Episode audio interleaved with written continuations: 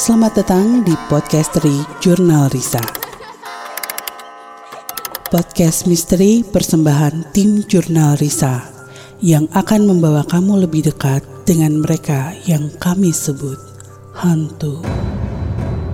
Siapkan diri kamu dan percayalah, kamu tidak sendirian. Selamat mendengarkan podcast dari Jurnal Risa. Selamat datang di podcast dari Jurnal Risa. Ini adalah podcast misteri tapi tidak menakut-nakuti, hanya saja membahas tentang hal-hal yang kita anggap seru. Hari ini saya ditemenin sama Niko dan Riri. Saya hai dulu dong. Assalamualaikum semuanya. Assalamualaikum. Waduh, gimana nih liburannya? Liburan bukan saya. Hah? Anda liburan. Enggak, enggak, enggak liburan. Tapi kan di rumah juga tetap kita berasa liburan. Iya. Ya kan? Betul. Tidak, sepertinya tidak bijak untuk liburan atau pergi ke mana-mana ya di, di masa-masa pandemi ini. Iya sih, lebih baik kita diam di rumah saja. Mengerjakan hal-hal yang positif. Contohnya apa, Ri? Main puzzle. Oke, kalau Iko ngapain? Eh apa? Ngapain ya? Doing nothing. Nggak, aku, aku lebih ke siapa tahu nanti beres pandemi Jurnalisa mau buka Jurnalisa Coffee mau buka cabang. Jadi belajar lagi kopi, lebih dalamin kopi biar bisa jadi barista lagi. Oke. Baik. Wah. enggak, enggak. Tapi ini mm, baru kali ini kan di podcast dari Jurnalisa ini ada Niko. Kemarin-kemarin kan dia berhalangan untuk hadir. Nah, sekarang ada dan kita akan membahas hal yang sebenarnya ini semacam dongeng sih kalau di keluarga. Cuman pada pada apa ya? dibandingkan kalian yang lebih muda dari aku jadi kalian tuh banyak yang nggak tahu soal cerita-cerita misteri yang pernah terjadi di keluarga kita Waduh. Hmm, Hmm, jadi aku mau ngasih dongeng nih sama teman-teman yang dengerin di podcast ini dan juga sama kalian berdua. Aku nggak minta kalian untuk bermediasi kali ini karena itu dilarang sama kakek kita. Oke. Oke, Terima kasih kakek.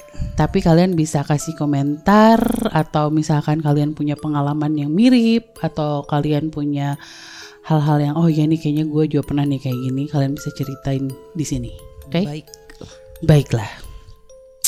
Untuk mengawali cerita, aku pengen eh, nanya nih sama kalian.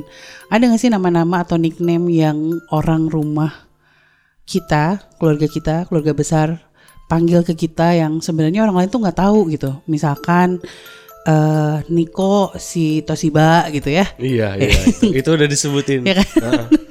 Terus kalau Riri apa? Ada nggak? Si kembu. si kembu kan itu jadi memang di keluarga kita tuh emang suka asal jeplak gitu kalau lihat nama termasuk si Ari tuh si pikuk-pikuk gitu yang walaupun sampai sekarang saya belum tahu eh, Artinya arti dari apa, pikuk-pikuk gitu. apa itu kayak terucap begitu saja dan mm, aku juga dulu si kucica katanya Apa tuh? Ya panggilannya kucica Bukan, kamu yang aku tahu ada dari huruf D. terung Derung. Kalau Dudung Debek siapa sih? si Gema Oh, itu game. Keren Ntar kamu. dulu kalau derung apa? gede irung thanks Dudung debak apa?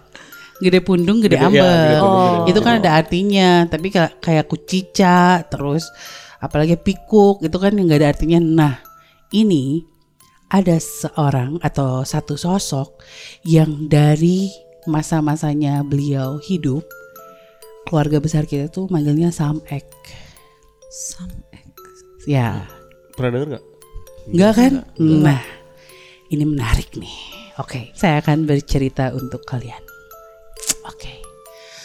Jadi, zaman dulu itu nenek kita punya saudara sepupu. Mungkin kayak Iko dan Riri atau aku dan Rai gitu kan sepupuan. Nah, eh sebenarnya ada namanya tapi aku nggak mau sebutin di sini nama aslinya. Hanya saja dari zaman dulu itu dia dipanggil dengan sebutan Samek tanpa alasan apa pun. Jadi kayak ya manggil aja gitu. "Wah, Ini si Samek Samek bahkan dia sendiri tahu dia disebut Samek dan katanya sih orang-orang tetangganya juga jadinya manggilnya Samek gitu. Tunggu dulu, ini cewek. Cewek. Cewek. Dan hubungannya tuh lumayan dekat sama nenek kita termasuk nenek kita yang satunya lagi Mauwat inget nah Mauwat tuh lumayan dekat. Jadi di waktu-waktu tertentu dia sering datang ke rumah nenek kita terus kasih em, oleh-oleh apa dia memang salah seorang saudara jauh yang care banget sama kita gitu. Tinggal di Bandung ya atau enggak? di Bandung di daerah yang Bandung Kabupaten asal mula nenek kita Oke. di situ. Nah, kita nggak akan sebutin daerahnya, cuman di di situlah. Dan suatu hari em, beliau datang, terus eh, nenek kita Mauwat, hmm, namanya Mauwat. Jadi nenek nenek kita asli tuh punya kakak namanya Mauwat, memberikan seperangkat alat ibadah berupa mukena dan sajadah untuk Samek ini. Karena setelah dilihat-lihat selama ini kok kayaknya dia tuh orangnya baik tapi kayak nggak pernah ibadah gitu. Dia tidak melakukan hal-hal yang biasanya eh, apa ya keluarganya yang lain lakukan gitu. Dia kayak anti banget sama hal yang seperti itu gitu yang berhubungan dengan ibadah. Sampai akhirnya dikasih nih katanya buat kamu sholat gitu. Terus dia bilang nuhun terima kasih udah saya kasih ini udah kasih saya ini tapi saya nggak akan pakai katanya. Wah. ada bahasa Sunda yang diinget banget sama keluarga kita dia bilang gini "Keun wae kalian aja yang tinggal di sawarga saya mah di sawah lega weh cenah. Kalian aja yang tinggal di surga saya mah di sawah aja katanya gitu. Terus sampai sama saudara-saudaranya jangan jangan ngomong kayak gitu katanya pamali dan singkat cerita karena sakit dan lain-lain akhirnya beliau meninggal dunia. Lebih dulu daripada nenek kita gitu. Meninggal dunia. Sebenarnya ya tidak ada keanehan sih pada saat meninggal. Cuman semuanya juga tahu bahwa sampai akhir hayatnya dia sama sekali tidak mendekatkan diri pada Tuhan gitu. Jadi semacam tidak percaya gitulah. Udah udah seperti itu. Semuanya pulang ke rumah. Tiba-tiba di malam berikutnya perempuan bernama Samek ini datang ke setiap rumah nenek-nenek kita ketuk-ketuk pintu ke Mauwat Wat? Wat? Kernaon? Ya. tulungan Abi Wat? Alias tolongin saya katanya. Ketika dibuka nggak ada. Pun ke rumah nenek kita. Datang datang. Sampai akhirnya wujudnya tuh kelihatan. Dan yang dilihat oleh keluarga kita oleh nenek-nenek kita adalah sosoknya yang sangat mengerikan katanya. Tapi masih bisa ngelihat masih masih bisa Kenal. melihat masih bisa dikenali. Cuman kondisinya tuh sangat menyedihkan. Ada satu ada satu waktu di mana ketika dia mengetuk-ngetuk pintu lagi ketika dibuka dia ada di situ. Dan dia tetap dengan kata-kata tulungan tulungan. Dan pada saat itu keadaan wajahnya buruk sekali katanya Eh, dengan luka di sana sini dia bilang sama Mak Uwat, Mak Uwat juga eh, udah almarhum sekarang kan. Cuman beliau bercerita pada saat itu katanya dia bilang gini, muka saya itu pakai bahasa Sunda ya, muka saya seperti ini karena ditampari oleh sajadah yang kamu kasih Astagfirullahaladzim. Ya dan mukena yang kamu kasih ke saya melilit terus tiap saat di leher saya. Oh. aduh, aduh. dan ya itu menjadi eh, apa ya masa-masa yang menegangkan buat keluarga kita pada saat itu karena pada akhirnya semuanya tuh didatengin bahkan sama orang-orang yang nggak pernah deket banget sama dia dan sehingga keluarga akhirnya berkumpul setelah berkumpul terus menanyakan gitu sama kayak kita ini kenapa kayak gini? Kenapa dia kayak gini? Kenapa dia muncul lagi dalam bentuk yang seperti ini? Dan ya kaki kita nggak bisa ngapa-ngapain. Pada saat itu mencoba untuk memanggil yang namanya Samek gitu. Dipanggillah sosok ini. Dan begitu datang dia bilang tolong saya dikejar-kejar terus katanya. Sama dua benda itu dan sama ada satu sosok yang katanya nyiksa terus dia bahkan sampai saat itu gitu kita nggak tahu mendeskripsikannya apa. Entah siksa kubur atau apa tapi dia bilang bangkit sedikit hancur. Bangkit sedikit hancur. Sampai akhirnya dalam kondisi seperti itu ada seseorang yang entah dari mana asalnya tiba-tiba bilang ikut saya ikut saya. Dan dia akhirnya kabur. Ketika kabur ya itu. Akhirnya jadi hantu yang gentayangan katanya Kalau kejadiannya dia ikut mungkin nggak seperti itu jadi. ya mungkin, Mungkin, bak- ya. karena dia udah dia bilang karena saya disiksa terus ya ngapain saya diam di situ katanya jadi dia akhirnya kabur dan ketika kabur akhirnya dia lepas sendirian nggak tahu mau ke mana dan dia menyalahkan orang lain karena memberikan dua benda itu pada dia dan dia merasa saya disiksa gara-gara dua benda yang kamu kasih katanya jadi selama ini kan kita baca cerita-cerita itu kayak di komik-komik Petruk Gareng Ya. gitu kan. Dan dan ini kejadiannya tuh terjadi di sekitar kita gitu. Makanya itu jadi hal yang wah jangan-jangan ini yang bikin komik juga nggak salah-salah nih gitu bikinnya ya. Maksudnya bukan cerita fiktif tapi ini ada yang mengalami.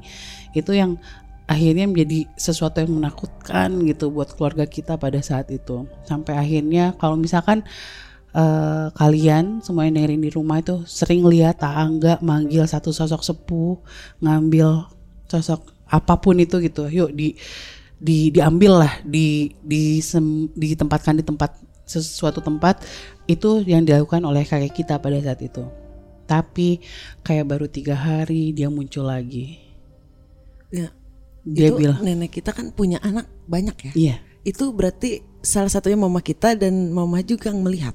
Iya. Jadi tadi pada saat sebelum datang ke sini kan aku cerita-cerita dulu sama mereka kan, cerita lagi dan mama tuh yang sampai aduh gak mau gak mau gak mau jangan jangan jangan nyebut nama itu.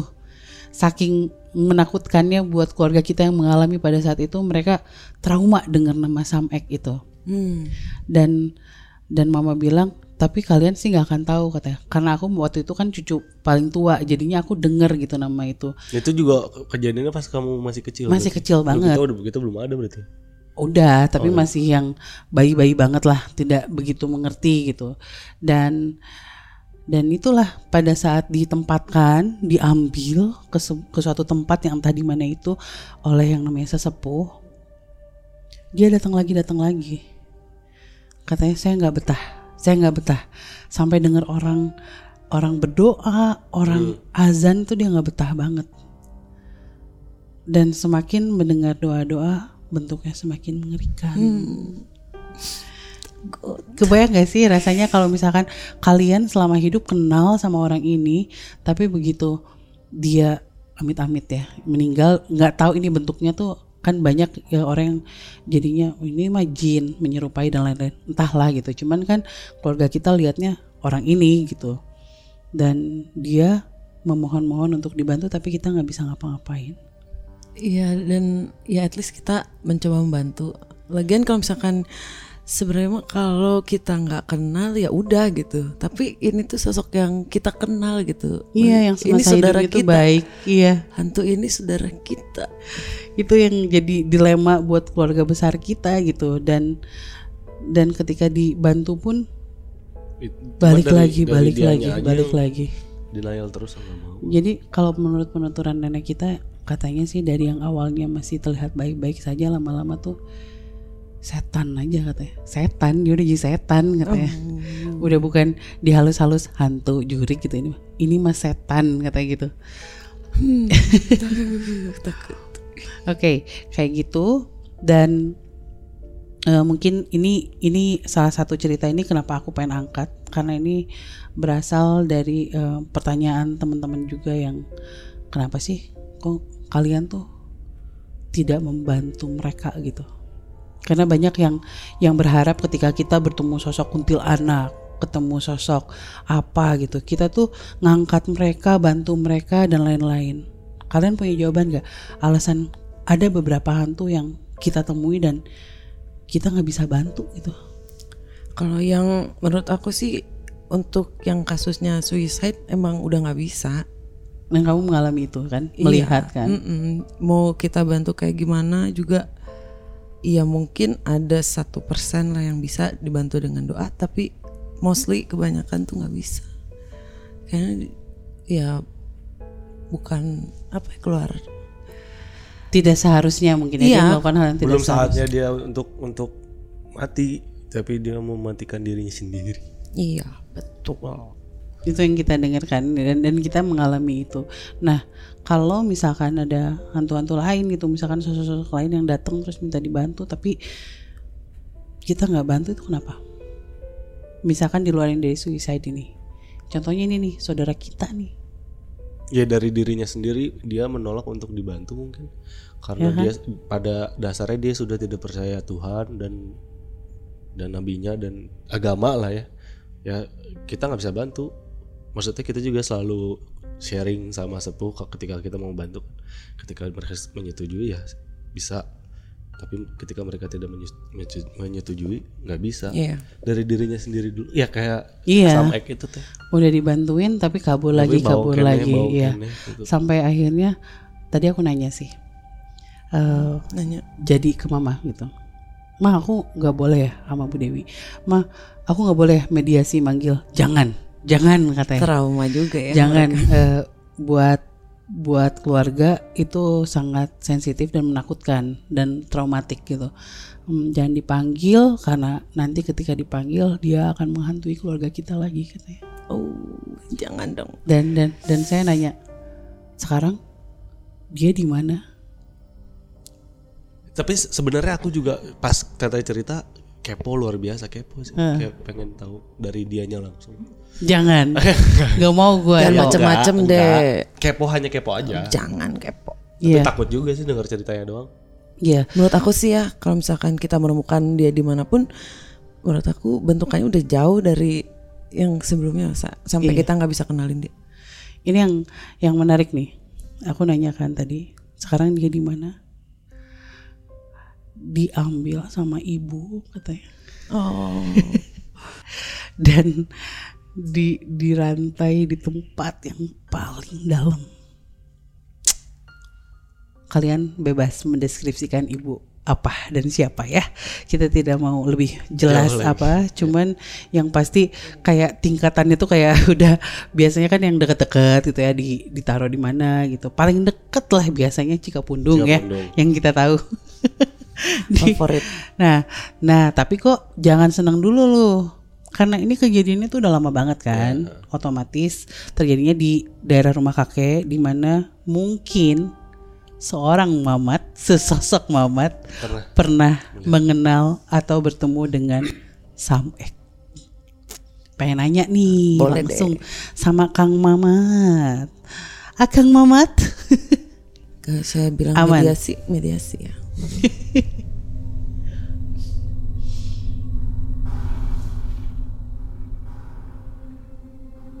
Mat.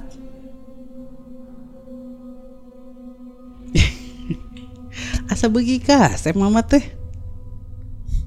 Aduh, aduh. Saya tolong di cakalan heula kumisna bisi kena mic. Tah, entong. Nu bulut-bulut eta temen dicepengan, Mat. Nah, Nah, tadinya weh. Tadi eh orang teh ngobrolkeun soal samek meureun Mamat. Pernah ngadenge? Ingat temat. Aya geuning nu dulur si eh, bapak. Sok disebut samek, samek. Teu apa. Oh henteu nu sok ngaganggu baheula cenah di imah bapak.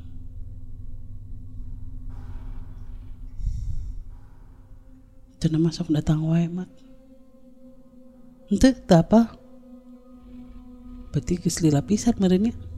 Tah mamat kan geus lila di dinya nya. Belum akrab kayaknya dulu. Can apa can wabu baheula mah nya? Lain aki mah. Wow. Hmm, da baheula teh kungsi riweuh di imah teh cenah. Gara-gara ya awewe dulur kene ngaganggu wae cenah sok ngetokan panto. awewe mah pasti apal tapi tak. Heuh rada kolot cenah. dulur dulur Dulur kene cenah. Henteu. Tong ah bisi kageroan deui nya ka dieu. Nah gitu. Sieun. Henteu cek si bapan tong digeroan cenah. Wah, cek kaki ulah mah ulah tuh. Heeh. Si kumaha onang. Heeh tah. Mat sok Riri mau nanya sama mungkin. mungkin nama lain kali Mat mun di Cikapundung aya nu baru tuh apa ya Anyar. nu aya nu anyar deh itu awewe naon deui Allah, ayo milam. Eh, Si hayang ningali. sok nu gelis Ai ai ayam ayangan. Loba nu indit tembaretah atuh Heeh. Cicing sakedeung indit. Ah, kalang we neangan da. mudah move on ya guys Ini Ri kita nanya yang nyambung sama cerita tadi ya. Ya, Mat cenanya ari geus di kan sok aya geuningan ku si bapak teh sok. Ya ampihan Mat. Tong sina ka mana-mana cenah. Kunci weh. Ya sok dikitukeun. Eta teh sok aya nu kabur Mat. Aya itu katinggal katalingakeun mah eh. Tak kumaha teh nah bisa kabur cenah lainna dijagaan di dinya teh nya. Eh, di talian mah di talian. Di talian. Ngan Teuing bisa lesot. eta teh dibantuan anu ngebantuan atau manehna lesot sorangan. Jika nama anu muka. aya nu mukakeun jadi kabur deh kabur deh oh Wah, aya nu butuh jadi cokot deh gitu. Jadi memangnya lamun dikunci gitu teh bisa wae nya kabur teh.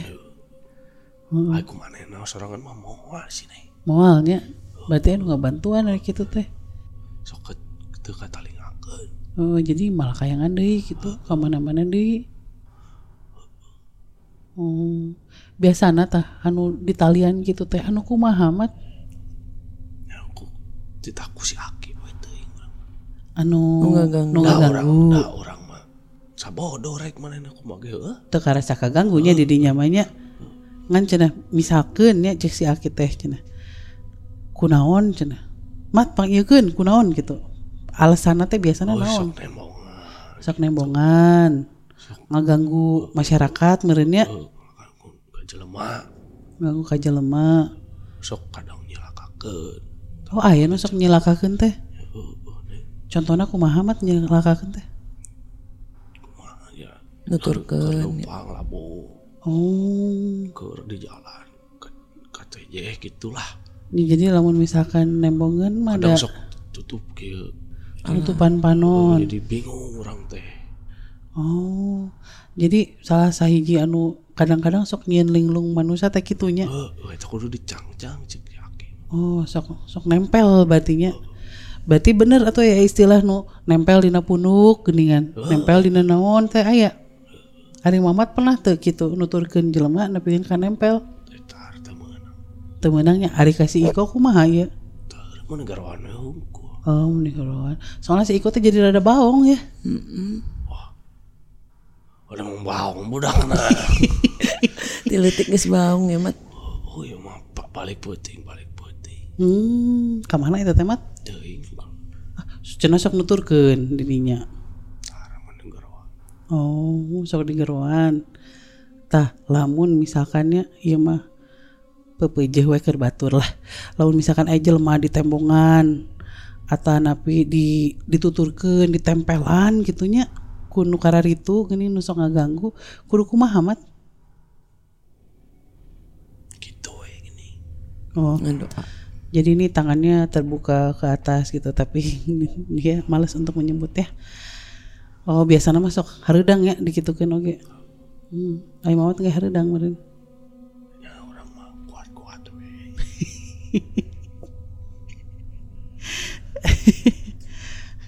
Tah, iya mah nyambung yang dongeng tadi teh orang keur ngadongeng mat. jeung si Ujang jeung jeung Iko jeung Riri teh jeung si Neng cenah aya dongeng nya geus maot gitunya aya dulur dulur si Aki lah dulur orang kene. Cenah mah ari barang maot teh disiksa gunung ngaranna mau kena jeung sajadah teh teh bisa kayak gitu.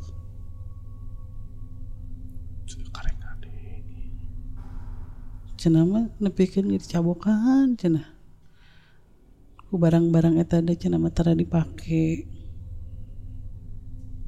Ente apal maot mah nya. Tuh. Ente. Berarti berada di situasi yang berbeda mungkin ya. Tah, lamun misalkan ieu mah mama teh nya eta kan kucai nya bahasa eta teh mah. Eta sok kaulang-ulang deui tuh kucai deui, kucai deui gitu. Naon? Modal. Ente kan, kejadian bala kaulang deui teu gitu. Ente. Ante we anu mah tiis we nya. Terus ieu kana cai teh. Ya si cicing dicaya Ari sugan teh, ari ningali peda kucai mah jadina teh rada trauma gitu, rada sieun ningali cai teh. Oh, baheula mah aku mah. Geus biasa. Cicing di mana? Yang sih mah terakhir mat ya. Lo baru penasaran nanya ke kuring cenah. Ari mama teh kumaha sih ngamandian kunti teh? Loh, aing euy. Ayo geura milem. Hayang nyaho cenah kumaha si mamat nga mandian kunti teh teu apal. Eh, bahaya. Bahaya Benyeng we kaca di benyeng. di Benyeng terus. Anu harare mah kuju bareng. Kita cicirihilan mulanya seseurian we. Oh, ceri-ceri Oh aya nu ceurik. jejalkeun di kacai. Ceurik eta teh. Eh atuh jahat meureun ari kitu mah. Maksa gitu. Manehna anu bangun. Oh, eta mah keur nu bangor gitunya. Ari nu keur Ai nu bager mah mandi sorangan. Orang kieu ningali. Oh, jadi anu sok nembongan nepi ka sebeleun mah dijejalkeun we langsung kana cai gitu. Yang geus atuh nuhun Nuhun maaf. tos terus jam sakieu lah. Jika ditu heula nya. Nya. heeh. Ternyata cerita ini tidak sampai ke Mamat nih ternyata. Iya, kenapa bisa beda-beda gitu ya?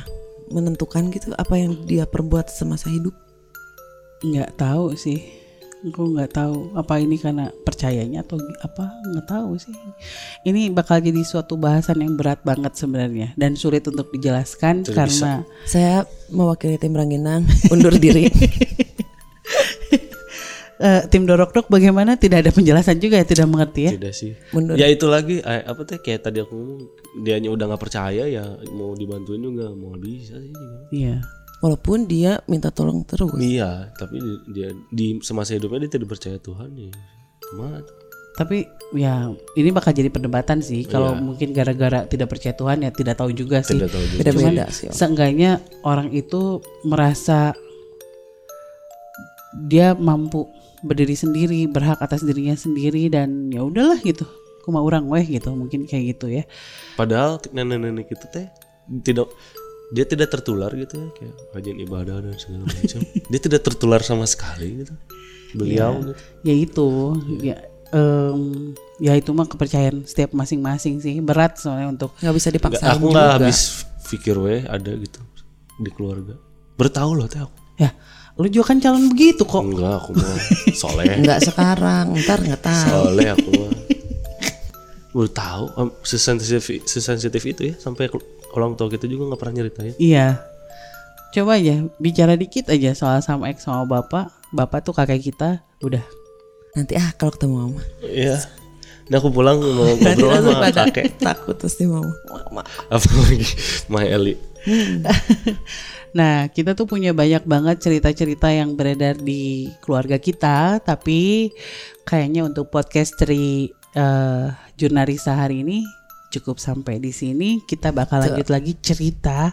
Ada satu lagi nih yang menarik, yang katanya dibawa ke istana jin, bukan di Ciamplas ya. Aku semu-semu mengingat hal Ya. itu dan itu seru banget. Dan itu terjadi di keluarga kita. orangnya masih ada sampai sekarang. Kalau misalkan kalian gak ngerti sama isi obrolan kita karena terkendala bahasa dan lain-lain, kalian bisa nonton videonya dengan ada teks uh, translatannya langsung di YouTube channelnya Jurnalisa. Tayangnya kapan? Menegit Dah.